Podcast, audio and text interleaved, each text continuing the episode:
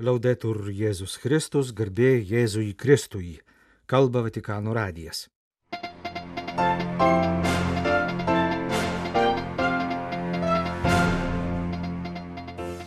Šventasis Tomas Akvinėtis - dvasingas ir išmintingas bažnyčios žmogus, rašo popiežius Pranciškus didžiojo teologo paskelbimo šventuoju 700 metų sukakties proga.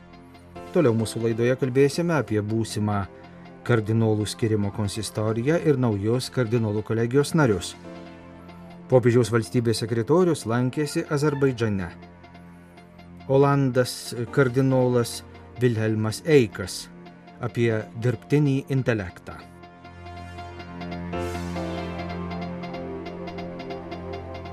Bažnyčios žmogus, kunigas ir mokytojas, palikęs didžiulį dvasinės ir žmogiškosios išminties palikimą.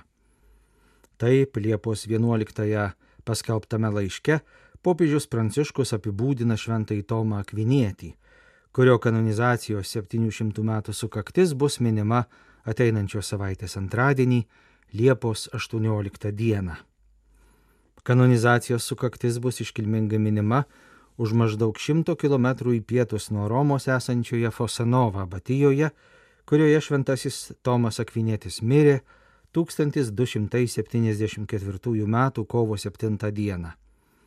Šią progą mišęs aukos popiežiaus pasiuntinys, šventųjų skelbimo dikasterijos prefektas kardinolas Marcello Semeraro.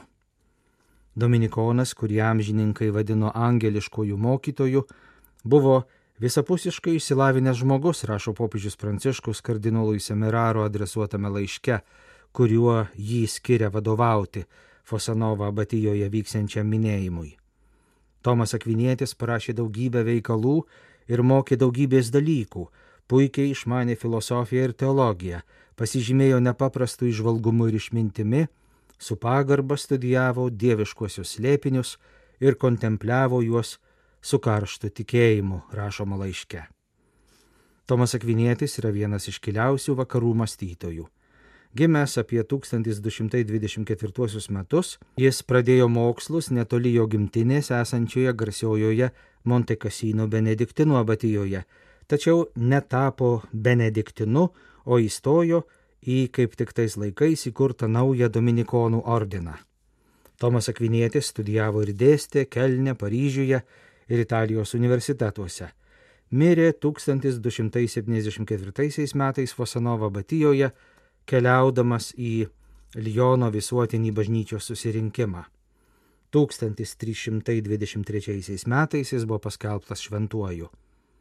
Daug šimtmečių šventasis Tomas Akvinėtis buvo vienas svarbiausių katalikų bažnyčios tikėjimo aiškinimo autoritetų. Jis taip pat labai vertinamas kaip filosofas, palikęs gilius pėtsakus metafizikos, pažinimo teorijos ir etikos rytise. Jo palikimą sudaro ne tik Biblijos egzegezė ir teologijos traktatai, bet taip pat antikos filosofų komentarai. Šiandien kardinolų kolegiją sudaro 222 nariai. Po rugsėjo 30 dienos konsistorijos jų skaičius, jei nebus netekčių, išauks iki 243. Pagal popiežiaus Šventojo Pauliaus VI įvestą ir popiežiaus Šventojo Jono Pauliaus II patvirtintą taisyklę, sukakus 80 metams kardinolai nebegali dalyvauti popiežiaus rinkimuose, konklavoje. Šiuo metu kardinolų galinčių dalyvauti konklavoje skaičius siekia 121. Iki rugsėjo 30 dienos konsistorijos jis sumažės iki 119 po kardinolų Versaldi ir Komastri amžiaus sukakčių Liepos 30 ir rugsėjo 17 dienomis. Konsistorijos dieną galimų konklavos dalyvių skaičius išauks iki 137.